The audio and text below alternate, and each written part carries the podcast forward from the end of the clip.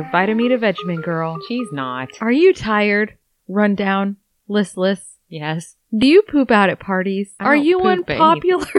Pulling an upper decker at the party. this is a shout out to uh, Matt Bush who introduced me to the concept of the upper decker. I don't know what that is. There are some people that you just don't piss off. That's when you go to a party and before you leave, you go to the toilet and you poop in the tank What? and then you leave. That sounds like a Matt Bush thing to do. But It that is a Matt Bush thing to do. absolutely horrible Anyway, and really gross. love you, Matt. But anyway, Love you, Matt. now that I'm done with my Lucy Ricardo commercial, welcome once again to Bigfoot for Breakfast. We're happy to see you. We've been expecting you. We're always expecting you here at the home of the mysterious and the macabre, where we hang out in the studio, Parlor. studio, every week challenging conventional thought. I choked on my spit there. I heard you. Cat got your tongue. Literally at your house, that could happen. it could happen. If I passed out, my cat would eat me. if I ever find that, I would do a podcast episode on it. We are your hosts, Samantha Carter. And Sarah Jones. We appreciate you so much for joining us once again or joining us this week for the very first time to hear more of the things you never knew you wanted to know. You had no idea. If you haven't ever done so, please rate and review our show on whichever podcast platform you happen to be listening from. We appreciate that tremendously. It helps out the show and we love hearing from you guys. Except, I have to tell you. Oh. So last night, I always read through the reviews that we get on Apple Podcasts. I'm sure you do too. But last night, I found this, this website called Chartable, which I guess is really super well known, except to me. I didn't know. And apparently, it takes all your reviews from all the platforms and puts them in one spot, which is super handy. yeah. So then I found that and I was like, oh, I'm going to just spend 10 minutes and read through some of these. And I found one from December of 2019 that I had never seen and it said it was from Apple Podcasts, but I never saw it on there. It said that our banter is cringy. are we cringy, guys? It might be kind of a fair assessment. At times. Other people say they like our banter. It just depends on what you're into. Some people are really into us. Some people are not. I'd rather be your shot of whiskey than everyone's cup of tea. I'm not everybody's cup of tea. Sometimes I'm a cringy cup of tea, apparently. There are some very shitty teas out there. I think all tea is kind of shitty, actually. I'm not a tea person. Iced tea with a little bit of sugar in it. You drink a lot of bit of sugar in your Nuh-uh. iced uh-huh. tea. One gallon of iced tea, three fourths of a cup of sugar. That's not that bad. That's my recipe. So back up. My tea has no sugar in it, and my daughter calls my hot tea my hot salad water. Enjoy your salad water, mother. If your daughter brought me tea and called me mother, I think it would feel really Norman Bates. Wasn't there a movie where there was some poison in a cup of tea too, like rat I think poison? he gave Yeah. her that, but then he ended up smacking her with the shovel. Maybe he got impatient. She wasn't going out fast enough. Maybe I don't know. Sometimes I get impatient, so I understand. I know there's no rat poison in my house, and I'm not sure how she would acquire it, but I think she likes me enough. I mean, so far so good. She has a knife collection, and I haven't gotten stabbed yet, so. So let's make an agreement that you will never wake me up in the middle of the night holding a knife. Knives stay put away in the middle of the night while standing quietly by the bedside. Should we move on? Probably. I mean, one time we got a review that said we need to shut up and get on with the episode, so probably we should just take that into account And we had, did take that into account. for a minute. Our intro paragraphs were significantly shorter for a while. Now we're just off script. All right, let's go on script. Add us on Facebook, Twitter, and Snapchat for updates and contest announcements. That's a tractor. We've got tractors, Southern Iowa. I love how every time traffic goes by, you get that same look on your face that Austin Powers gets when he's looking at the molly guy. Molly, molly. You know what's funny though? Is that when I make that face, it's literally imitating your annoyed face. Oh, I can't accurately do it. I'm gonna have to improve my annoyed face significantly, apparently. You do the bunny nose. my nose twitches when yes, I'm Yes, you annoyed. do that. Like it's not an actual annoyed face. It's like a I'm over dramatically expressing that I am annoyed face. That's the one right there.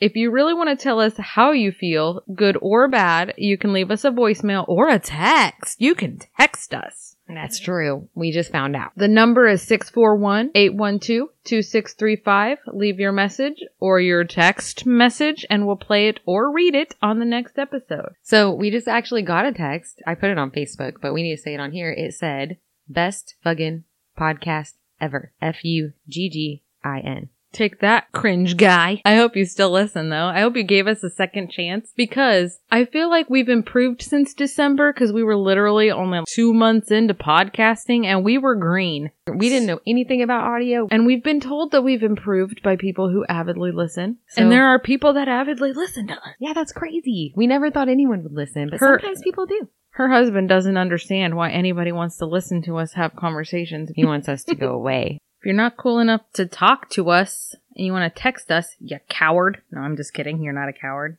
we love hearing from you either way. Speaking of cowards, let's begin this episode with an impactful quote. Cowards make the best torturers. They understand fear and they can use it. Mark Lawrence, Prince of Thorns. Check it out on Google Books, y'all. If you haven't guessed it already, the theme of today's episode is torture. Specifically, medieval torture devices.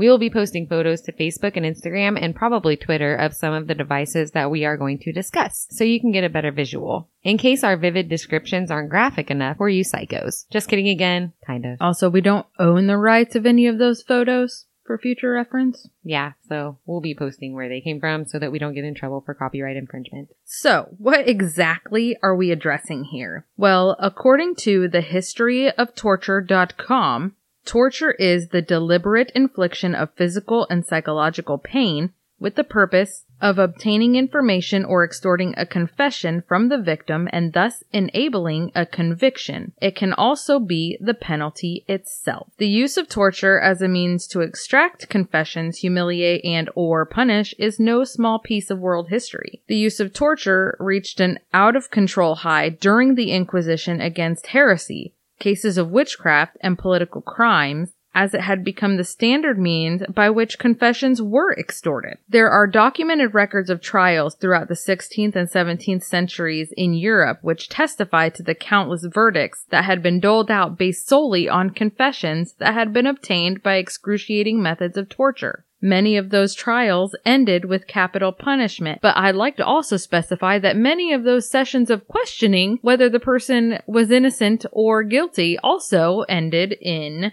death. So, why would someone be tortured during the Middle Ages? We can't really investigate the methods by which people were tortured without first dabbling in the why and by whom. We've already brought up that a significant amount of this occurred during religious inquisitions. Inquisitors went to extreme measures to extract confessions because they believed it was their duty to bring the accused back to the faith. It was for their own good. So it's fine, right? It's fine. It's fine. We're all fine. A true confession would result in the accused being forgiven, provided that they survived the torture. Even if they did, they were still forced to absolve themselves of their sins by performing penances, such as a pilgrimage or wearing multiple heavy crosses. Although mutilation during these inquisitions was technically forbidden, in 1256, Pope Alexander IV decreed that inquisitors could clear each other from any wrongdoings that they might have done during torture sessions. Forgive me, Father, for I too have sinned. Bruh, it's cool. You did it for God, King, and country. You're saving souls. Like VelociPastor. It's No. Fine. It's not. It's not fine, and it's not like VelociPastor. Um, he killed sinners. Have you seen VelociPastor? No, I don't want. If you haven't seen VelociPastor, oh, you need to. I watched it twice. Feel like you deserve a medal. Or a Lobotomy? yes, that's the word I was thinking. Really? yeah, that was literally what I was trying to come up with.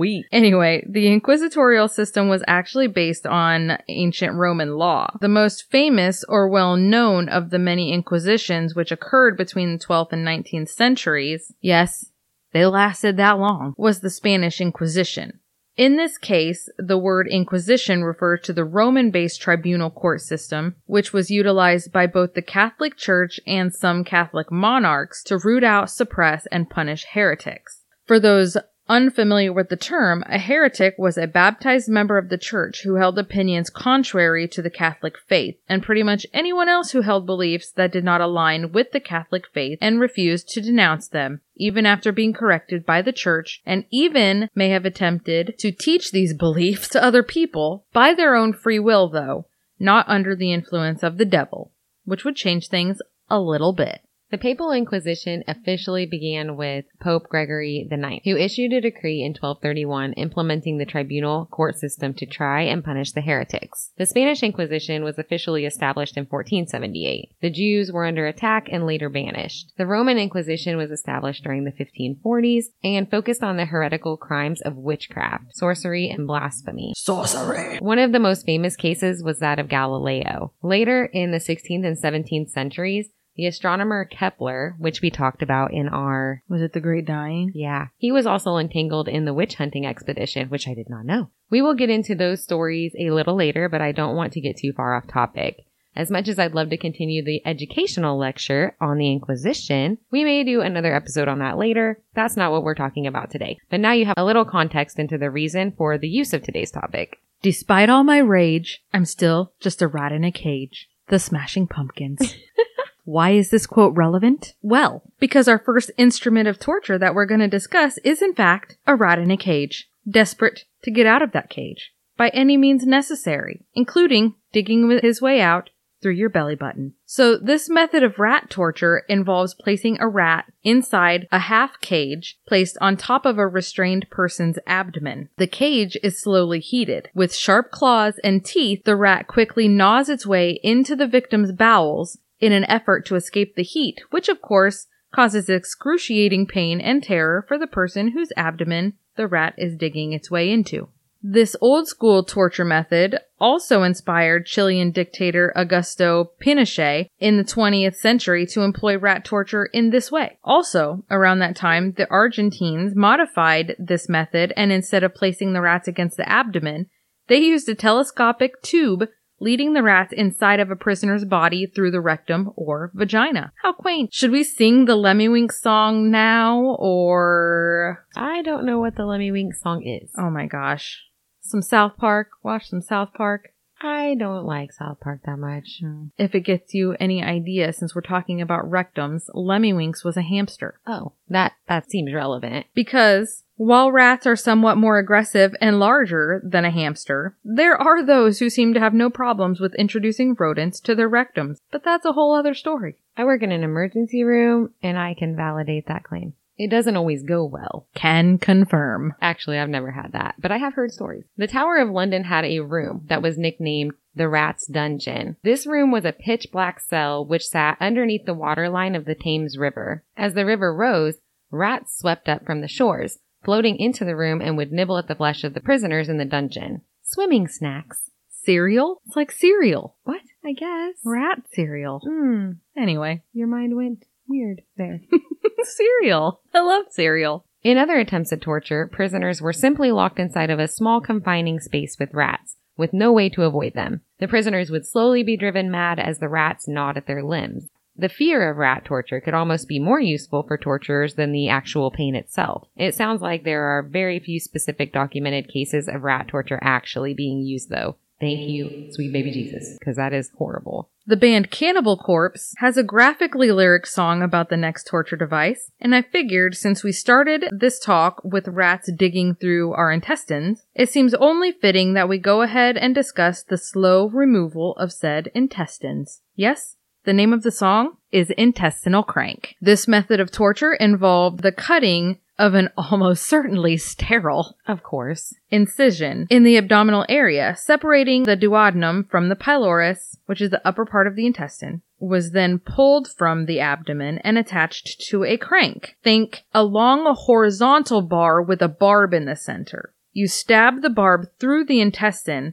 to hold it in place, and then the crank attached to the bar would then be rotated to extract the intestines from the gastrointestinal cavity. Keep in mind that this person begins this torture completely conscious. Yeah, I don't think they, if they're going to go to this extreme, they probably don't care about sedation. They are watching and feeling every bit of this. The victim and those witnessing the torture would see anywhere between 9 to 18 feet collected around the shaft of the crank. This torture was of course classified as capital punishment, as it always ended in the death of a person being tortured, albeit a very slow one, slow enough to get whatever information was asked of this person. But no matter what information they gave, there was no saving the person from this. If you remember the 2000 movie The Cell starring Jennifer Lopez and Vince Vaughn, there was a scene in which Vince Vaughn's character was subjected to this method of torture. Someone in there called me a naughty worm. Hmm. If you haven't seen it, you can look up the scene on YouTube by searching The Cell Intestine Crank. You're welcome.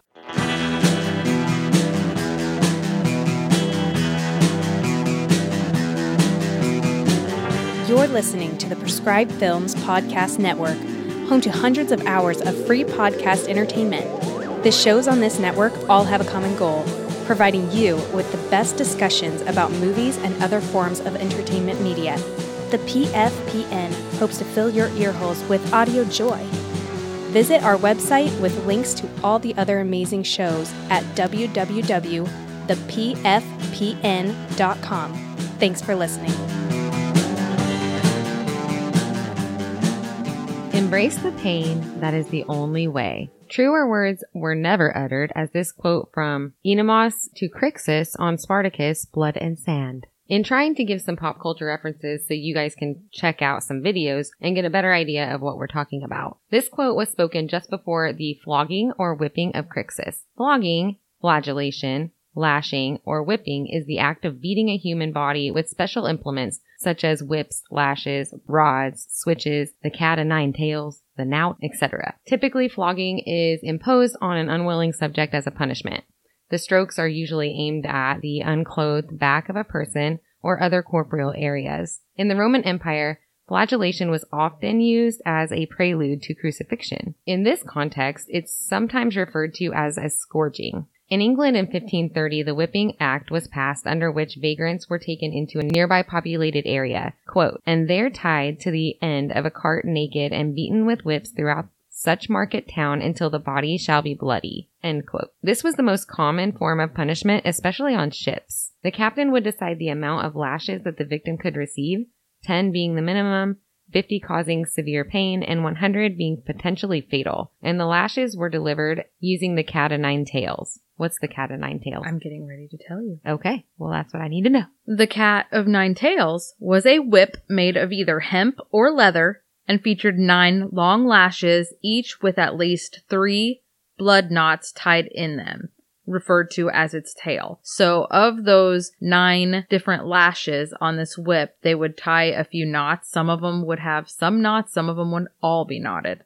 depending on, you know, how big of an asshole the guy was. The nine cords or tails represent the nine lives of a cat, and the whip also left marks like the scratches of a cat, like a really big cat, like Tiger King style. Its origin is believed to date back to ancient Egypt, where the domestic cat was sacred and even then was said to have nine lives. The Egyptians believed that when beaten with cat hide, the victim gained virtue from the whip. Random fun fact.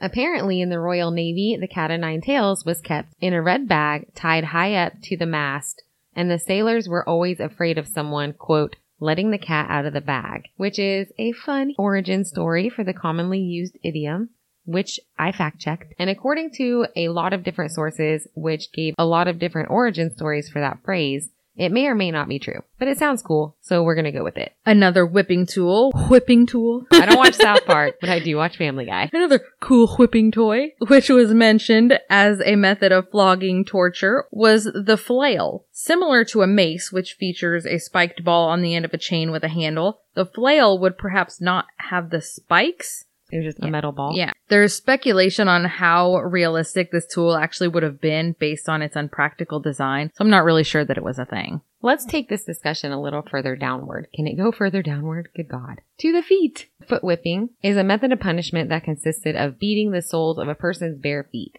Unlike the other types of flogging, the intentions of this method was to cause pain rather than actual injury to the victim. Blows were generally delivered with a light rod, knotted cord, cane, or lash.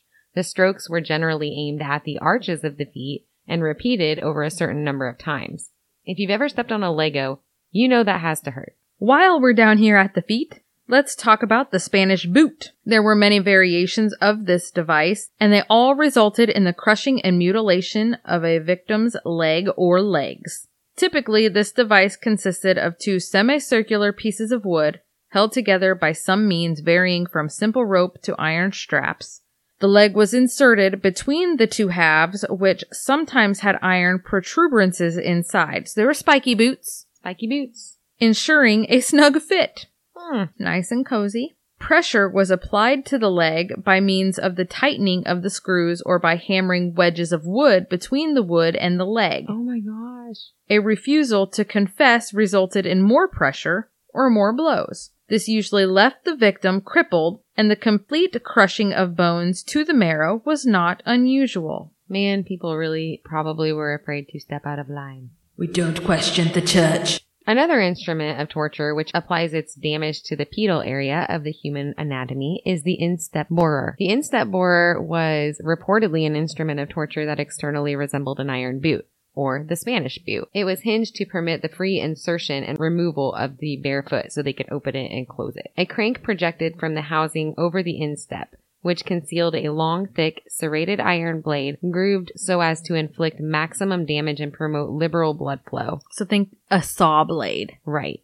Lots and lots of blood. Turning the crank slowly advanced the blade into the boot, punching a hole through the center of the instep, causing a wound that was so large that it was likely a person would die of infection. I was unable to find many sources of information for this particular method of torture, which leads me to believe it is likely more myth than reality. And actually, not necessarily a saw blade. I'm thinking like a screw. Oh. So it's like grooved and it digs in. Now it digs up through the foot, like the middle of the foot? Like, yeah, they put it and then they screw it down. So it'd be like a drill. Sounds like a lot of fun. No, it does not.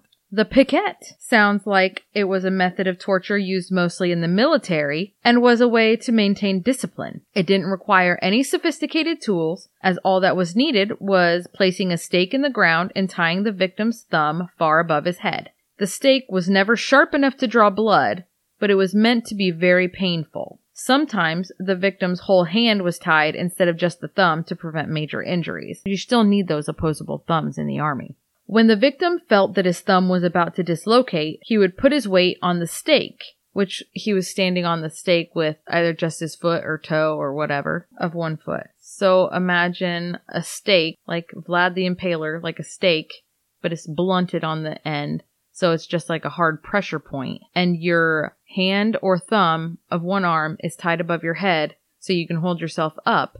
But if you put pressure on your foot to relieve the pressure from your hand, you're getting your foot or toe dug into by the stake. Oh. So placing too much weight on the stake would lead to a lot of pain. Although this torture method was never meant to cause death or injury, it was known on occasion to last for up to two days, which did sometimes cause death. But most of the time, this torture method only lasted a few hours. A common result was a broken thumb, although most often than not, the victim experienced no permanent damage. Don't talk back. A torture boot was a high boot made of spongy leather that was placed on the victim's feet. The victim was tied near a fire by the boots. He was restrained near a fire. Next, boiling water was poured onto the boots, which seeped through the leather boots and dissolved the flesh of the victim's feet. In some cases, the torture administrators add wood inside of the boot and pour oil in as well. This action expands the wood and cuts off circulation to the foot. If they wanted to be more mean, they drilled screws through the boot and the foot as well. We're slowly going to move upward in the human anatomy, and tragically, there are plenty of torture tools which were applied to areas below the belt. Let's start with one of the more mild ones the pear of anguish. That sounds very mild, doesn't it? Mm-hmm. To make matters worse, it was also known as the vaginal pear or the rectal pear. So, this little devil was a pear shaped device with the body of the pear made up of four metal leaves joined by a hinge at its top and a key or a crank on one end. I just want to make it clear to you that this is pear as in P E A R, like the fruit. Yeah. So, it's a little metal pear made of four little pieces that come together to form the pear. And there's a hinge at the top so it can open and close. So, Imagine this little pear being inserted into your vagina, anus, or throat, depending on the nature of your crime that you had allegedly committed. If you were accused of heresy, you got it in your mouth.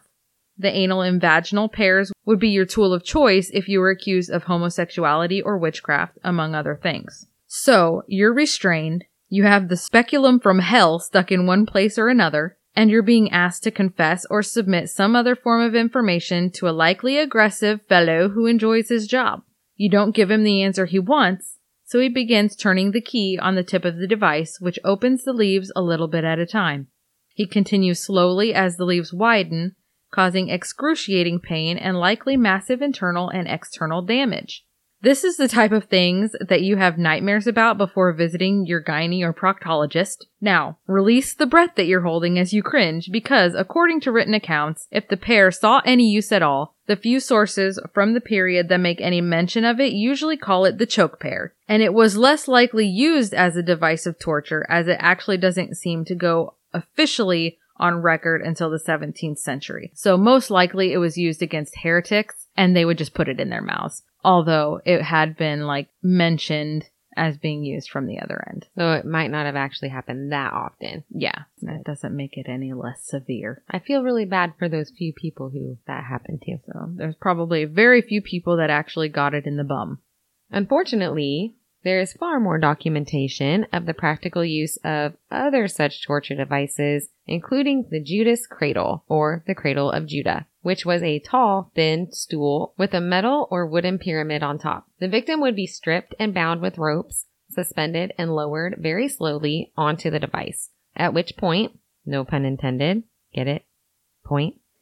The tip of the pyramid would then enter the vagina or the anus. Any movement by the victim would cause an increasing amount of pain. This tool was often used to acquire information. If the victim refused to talk, the torturer would then rock the victim, raise and drop them repeatedly onto the device.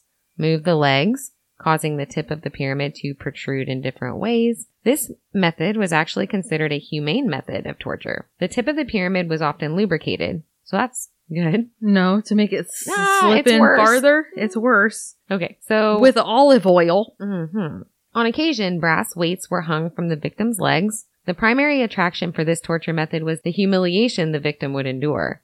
If the victim fainted from the pain, the torturer could lift them until they were awake and then resume the torture. Torturers would sometimes need to continue interrogations overnight and would keep the victim suspended above the device to resume the torture in the morning. This device, it seems, was considered quite effective in causing sleep disturbance. You don't say. Tortures could range from several hours to several days.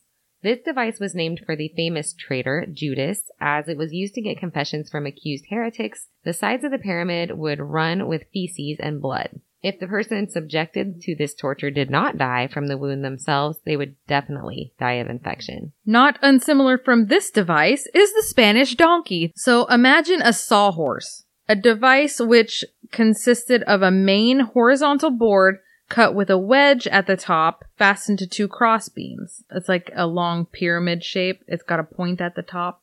And you're sitting on this. A naked victim was placed astride the main board or wedge as if riding on a donkey. So it's between your legs Mm-hmm. and you're straddling it. The torture would place various numbers of weights on their feet. The agony could be fine tuned by using lighter or heavier weights. To cause more pain, torturers could pull the person's ankles in different directions or burn the bottoms of their feet with hot ashes or fire. So as the weight was added, the person became more impaled. With constant pressure on the wedge, the victim would most often rupture their perineum and their sacrum would break. There have been a few reports of the victim being sliced completely in half due to too much weight being attached to their feet. Oops. Once again, if they did not die from the injury, they would likely die from infection. This was primarily designed for women, but some men would be subjected to this torture as well. Apparently, the use of this type of device carried on into the Civil War. A documentary on the History Channel called 80 Acres of Hell described a similar torture device called the mule, which Confederate prisoners were forced to ride until they passed out. Many were crippled for life, and this was considered quite entertaining to the Union generals, apparently. Add that to the list of things that I didn't know. We're always learning here at Bigfoot for Breakfast. We're learning with you. While we're in the area, castration was also used as a method of torture, and that's all I've got to say about that, Jenny. So this is cringe inspiring. Let's move on to a different area of anatomy, like the limbs. Let's talk about being drawn and quartered. This particularly sadistic form of execution was invented in 1241, specifically designed for the punishment of a man named William Maurice for the crime of piracy, but it became the method of choice for executing those accused and found guilty also of treason. Typically, they would be stripped with their arms bound out in front of them.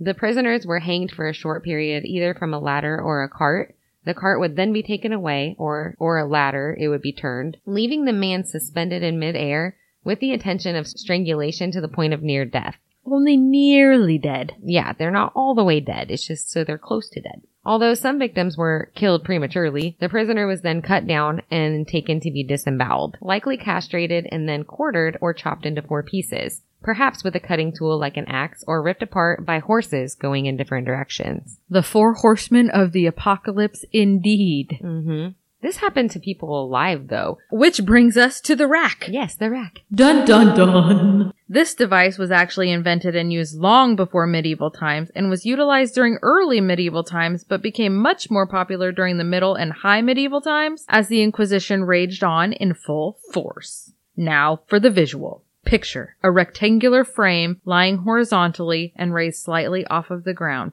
So you're on a platform bed, but it's not mattressed. It is not puffy and comfortable. Wood was the most common material to construct this frame, but other materials could be used. On this frame, there was a roller at either one or both ends with a handle which was attached to the roller and pulleys and levers were used to operate the roller. Pull the lever, Kronk! The torture would fasten the ankles of the victim to one roller and the wrists to the other. They then used the handle to increase the pressure on the attached chains. The roller could also be rotated on its axis using the pulleys and levers to strain the ropes or chains and stretch the joints of the victim. So all four limbs here are tied Four to the corners. four corners of this platform bed. There's a crank, and every time they turn the crank, it pulls all of your limbs in different directions. The joints would eventually be dislocated and even separated with the muscles torn apart.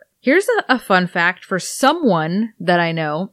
Dad. The torture rack was one of the most common methods of torture used against the Knights Templar. The famous trials of the Knights Templar were conducted during the early 1300s, and some of them have been well documented, including the use of the rack. Other crimes that were seen fit for punishment by stretching were blasphemy, heresy, witchcraft, and other crimes against religion and morality. There really was no limit or no specific thing. You just, they felt like torturing you, they were gonna do it. It seemed like they were just kind of like, "What do you want to do today? How do you want to do this?" And then they just stretch picked, a man. they just picked their favorite one for the moment, whatever phase they were going through at that time. Another widely used torture device during the medieval times was the Catherine wheel, also known as the breaking wheel since it was a device used to break the bones of the accused and crush them to death. The wheel consisted of a large wooden wagon wheel with several radial spokes. A person was fixed to the wheel and a wood or iron club was used to beat their limbs. One variation of this was a wooden cross instead of a wheel that the person was strapped to and then they were bludgeoned. The victim's body could remain on the wheel for display after they died, often their very slow and painful death. There was a record of a tortured Jew that had lasted four entire days before he finally died. If you were lucky, you could receive a merciful blow to the chest early and die quickly. A man named Jean Calas of Toulouse, France, in 1762, had been tried for the murder of his son. He maintained his innocence throughout the trial and after his sentencing, claiming that his son's death had been a suicide. Unable to convince the court of his innocence, he faced torture on the Catherine wheel. He did not, however, perish on the wheel. His arms and legs were, however, dislocated. But this man was spared that terrible death and granted a much more horrible one, as he also faced the iron chair. So they took him from the Catherine wheel when he didn't die and put him in this new thing. or they kept him alive on the Catherine wheel specifically for the chair. I know what you're thinking. Like Game of Thrones, right? Well, you're on the right track, except picture hundreds of sharp spikes on the seat, back, arms, and legs of the chair. The convicted person was seated and held in place by a front bar on the chair, so like a high chair, and then another vertical bar. Two rings fastened the ankles to the legs of the chair, and in the upper portion there was a collar for the neck, and then another transverse bar passing through the first, fitted at each extremity with a ring holding the wrists. So their arms were held to the arms of the chair, their legs were held to the legs of the chair, and their neck was strapped so they had to sit back against the back of the chair, and then obviously they got butt spikes because they're sitting on it. If that isn't torture enough, underneath the seat of the chair was a stove. The torturer would progressively tighten the restraints, forcing the spikes deep into the flesh of the victim. Weights would be placed on the victim's thighs or feet, and this torture could go on for hours and sometimes days. The good news was the spikes did not penetrate vital organs, so blood loss was minimal, at least while they were seated. The spikes would hold the wounds shut, but once they were removed from the chair, the victim was not long for this world. In case you care, Two years after his execution, Mr. Calas was exonerated. Hmm. Do you like roasted chicken? I love roasted chicken. I'm a big fan. You tie your chicken up, place it in a nice cozy dish, and you throw it in the oven, letting the ambient heat slowly cook it to perfection. Well, our next torture device is kind of like that. If you watched the 2011 movie Red Riding Hood with Amanda Seyfried, you may have a little bit of a visual reference. We're talking about the brazen bull. One of the most brutal, yet strangely elegant methods of execution originated in ancient Greece and came in the form of elegantly sculpted bronze bull statues. However, they were actually as lethal as the man who invented them. Perillos of Athens, somewhere between years 570 and 554 BC. Why a bull, cousin? The Romans allowed the influence of the Greeks and used it to torture the Christians. The metallic animal was hollow on the inside with a door on the side of its body through which a person could be placed into the belly of the beast. Once this victim was shut in the brazen bull, a fire would be lit under it, heating the device, essentially turning it into an oven and roasting the victim within it. Mmm, roast. Mm-mm. The most gruesome part of this, I think, is that it doubles as musical entertainment of the onlookers. As the heated metal seared the victim's flesh, he or she would scream in agony, the sounds of which channeled into small pipes of the nostrils, resulting in the bellowing sound being emitted from the bull. The nostrils were also said to be packed with incense to mask the smell of burning flesh, like seasoning your chicken with herbs. Just saying. Mmm. Since we're on the subject of food preparation, we might as well stay there. Get out your kitchen tools because it's time to talk about flaying. During the Middle Ages, it was frequently used to torture and execute captured soldiers, and of course, like always, witches. In one version of the flaying torture, the victims were tied to a pole, arms tied above their heads, and their feet were tied at the ankles with their body completely exposed, so they're naked. The torturer would use a small knife to slowly peel the victim's skin. In most cases, the peeling began with the face, slowly working down to the victim's feet. Most victims died before the torturer even reached their waist. Thank goodness. Another method for this type of torture, the victim was exposed to the sun until he had a horrific sunburn. As someone who's pigmentally challenged, I can sympathize. That's horrible. After the person was nice and sun fried, the torturer began peeling off their sun seared skin using the strategy that we just described. In yet another variation of this type of torture, a person would be submerged into boiling water first, taken out after a few minutes, and then slowly flayed. Man, these people were just like beyond depraved, weren't they? Mm-hmm. I don't think I could have done any of this to anyone else, no matter what they've done. So the burning and boiling weren't just added to the procedure to make the torture worse. As you can imagine, skinning an entire person is probably kind of difficult. So this was kind of a type of tenderization, so to speak. It made the skin easier to peel off. I imagine after some practice, you got better. You know, like normal Like, things. Yeah, like skinning a deer. Do it a couple like times. Yeah. You're good to go. Okay, so think about the anatomy of the skin. The nerve endings that extend into the deep tissue layers of your skin. This is how we have sense of touch. This is why we respond to stimuli that causes pain. This response is caused by nociceptors, which are sensory nerve cells that respond to pain. In the process of having your skin ripped off, with your nerve endings not being severed cleanly, but rather torn to shreds one by one. You're going to feel every little bit of your skin as it is torn from your muscle as your nerve endings die. This, my friends, really effing hurt. Also, you're gonna bleed a lot. No amount of the endorphins gifted to you by your brain is going to ease this. Your insulation from the elements is gone. You're going to feel the chills. You're gonna get real cold. If you're lucky, you'll go numb eventually. If you're really lucky, you'll pass out. And lucky or not, you're eventually going to die. And actually, hypothermia was one of the bigger causes of death from this because once you don't have your skin, you are not protected from the elements at all. Do you remember the movie Pocahontas? Well, I love that movie. Mm-hmm.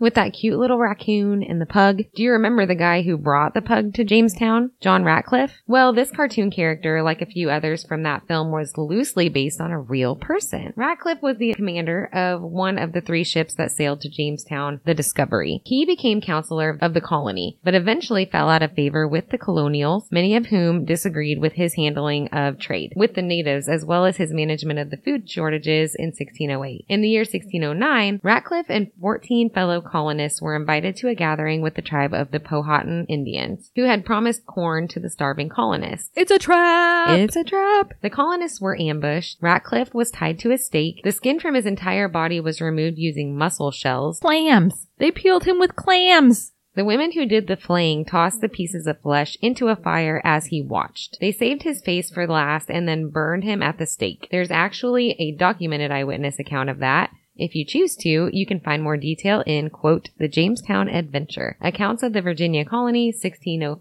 to 1614. Look it up. Definitely worth a Google. That reminds me of an episode of Hannibal I just watched. Have you watched that? No, I haven't watched that series. Um, there's a part where they end up sedating a guy and somehow he ends up using a knife and cutting off his own face and feeding it to the dogs while he's still alive. And it's, ugh. he's cutting off pieces of his face, his own face, because he doesn't know what he's doing. He's on mm-hmm. drugs and he's just feeding it to dogs. And then he cuts off another piece and then he feeds it to the dogs. And oh my God, it, it scarred me. I can't watch that. Yep, that sounds awful. In a dramatic turn, let's dive into something a little less fiery, like, I don't know, water. Being that water was a relatively easy source to come by, and it's dangerous and scary, it too was often utilized as a means of torture. In some cases, a person would be tied to a board, supported horizontally onto trestles. Using a horn as a funnel, the victim's nose would be pinched, forcing them to swallow. Slowly, about nine pints of water would be funneled into their mouth. If their crimes were extraordinary, however, double that amount of water was poured in. There were no rules in this time to protect the treatment of prisoners who faced torture and punishment. These methods were seen as a legitimate means to extract confessions, obtain the names of accomplices, testimonies, or to impose penalty in the name of justice. And they were sanctioned by law. I'm not sure if you were aware of this, but while it is frowned upon, this specific method of torture has been used in relatively recent years, placing a cloth or a rag over a restrained person's mouth and dumping gallons on gallons of water onto said rag. Just throwing that out there. The ducking stool involving water may not have appeared until Tudor times, though its use was widespread throughout England, Scotland, and colonial America by the 17th century, and it remained in use until the 19th century. This device was a chair which hung on the end of a free moving arm which was placed by a river. A woman was strapped to the chair and could be ducked into the freezing cold water. The length of the immersion into the water was determined by the operator based on the crime she was accused of. Maybe a few seconds, or maybe it was continuously repeated over the course of an entire day. For the most part, this was seen as a punishment pretty much exclusive to women to be punished for a range of minor offenses, like not behaving as a dutiful maid or wife was expected to, sometimes for prostitution and witchcraft. But often the sentence was for being a common scold. A scold was a term given to a gossip, a shrew, or a bad-tempered woman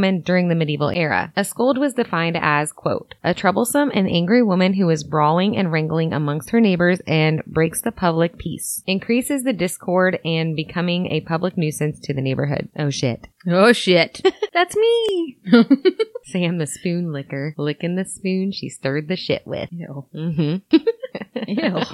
yeah. In cases of witchcraft, this method was seen as a foolproof way to establish whether a suspect was a witch. The stools were used at first, but later they were ducked without the chair, and instead a woman's right thumb would be tied to her left toe and a rope was tied to her waist. The witch was then thrown into a deep river or a pond. If she floated, it meant that she was in league with the devil. We all float down here.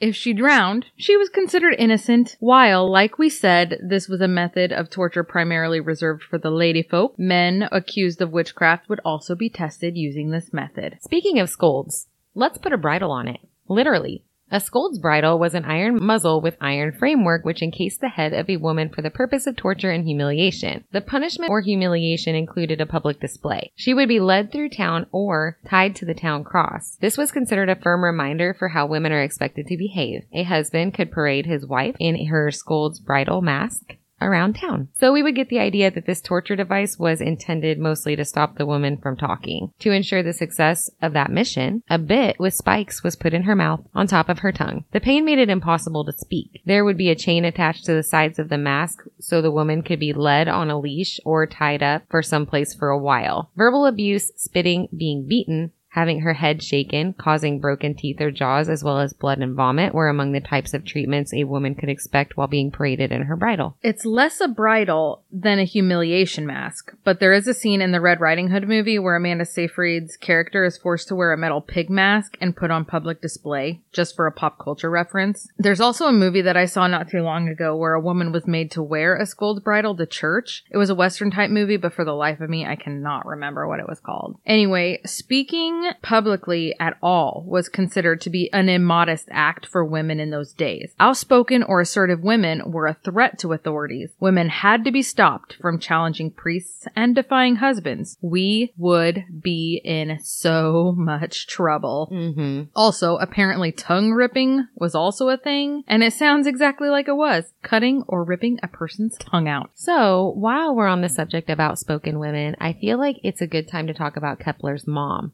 I know it might mom. seem wrong, but I'm in love with Kepler's mom.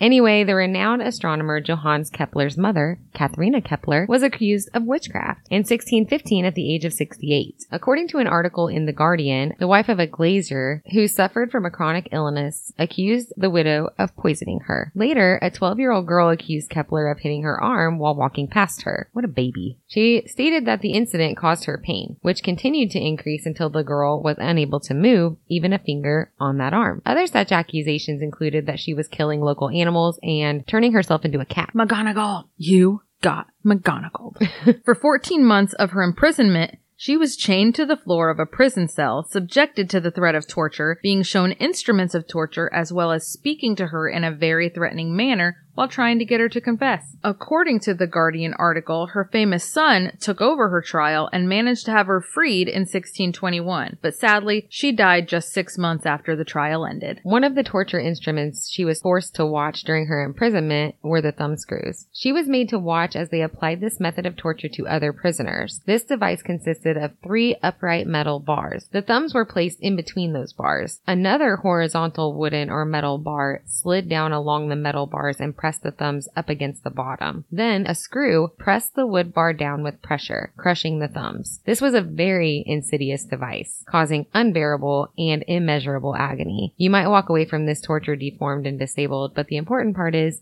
you would walk away, albeit without your much needed opposable thumbs, which come in handy for gripping things like bows and arrows, swords, and the reins of your horse. And thumbs up. Hey! Yeah, you can't Fonz it anymore. not, it's not pretty. Yeah. Of course, we can't not take this too far. We're humans. The thumb screw was of course adapted to crush bigger things, like big toes. Larger screws were created for knees, elbows, and yes, heads. Obviously, the head screw or head crusher probably did end in the inevitable demise of the person being subjected to its use. Or they were just lobotomized. With a crush head? Probably, I don't know. Let her, let her roam. While this is far from all the torture devices and methods on our list, I think it's probably about all we're going to cover for today. So let's end this episode with two thumbs up. Get it? Wait, let's not. because thumb screws. Thank you for taking this journey through historical torture with us today. We hope listening wasn't torture. If you want to get a hold of us for any reason, you know the drill. We're on- Ha, drill. We're on Twitter, Facebook, and Instagram. You can email us at bigfootforbreakfast at outlook.com and you can text us or leave us a voicemail at 641-812-2635. Bye-bye. Bye.